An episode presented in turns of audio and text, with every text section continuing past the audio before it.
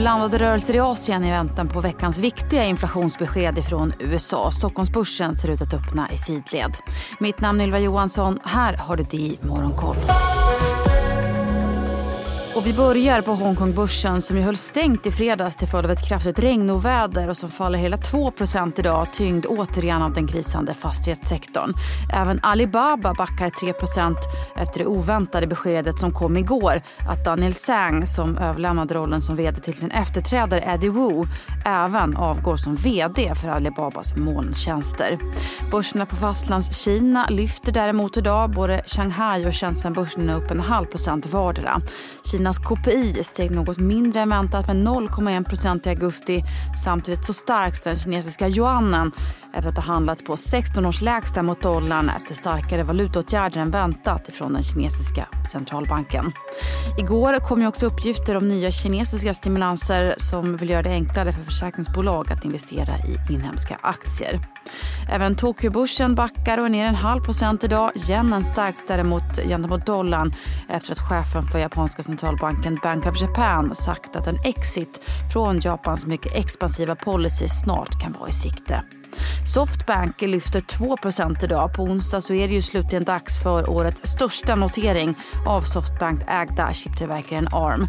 Enligt bankirer som Financial Times talat med ska noteringen vara övertecknad mer än fem gånger om och bolaget överväger nu dessutom att höja prisintervallet inför noteringen. Och när vi ändå är inne på noteringar kan vi väl även nämna att matleveransappen Instacart siktar på en värdering i spannet 8,5 och 9,3 miljarder dollar vid sin framtida notering vilket bara är en bråkdel av vad bolaget tidigare var värt, rapporterar Wall Street Journal. Kinas ekonomiska problem kan minska sannolikheten för att de kommer invadera Taiwan. Ja, det sa USAs president Joe Biden i samband med G20-mötet i Indien. Direkt efter toppmötet reste han vidare till Vietnam där USA nu har slutit ett historiskt samarbetsavtal om viktiga mineraler och halvledare. Och börserna på Wall Street lyfte försiktigt i fredags efter fem dagar av nedgångar till följd av förnyad ränteoro. Både Breda S&P 500 och eh, tekniktura Nasdaq steg 0,1% men backade 1,3 respektive 1,9% för veckan.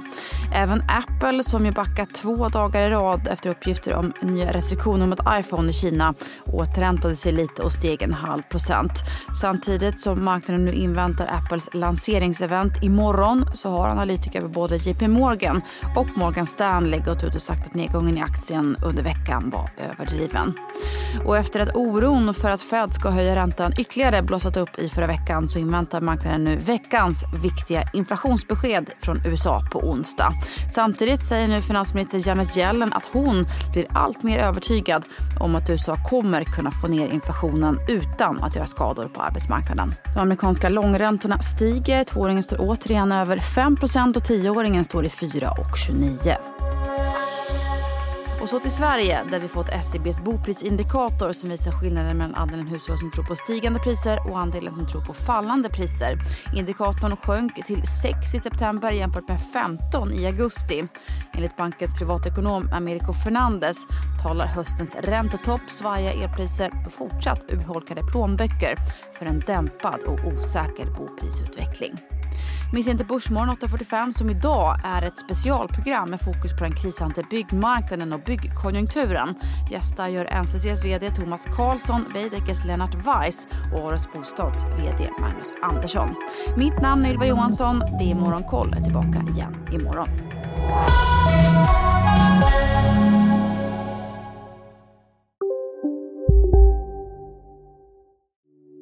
Hej, Ulf Kristersson här. På många sätt är det en mörk tid vi lever i. Men nu tar vi ett stort steg för att göra Sverige till en tryggare och säkrare plats. Sverige är nu medlem i Nato. En för alla, alla för en. Vi är specialister på det vi gör, precis som du. Därför försäkrar vi på Swedea bara småföretag, som ditt. För oss är små företag alltid större än stora och vår företagsförsäkring anpassar sig helt efter firmans förutsättningar.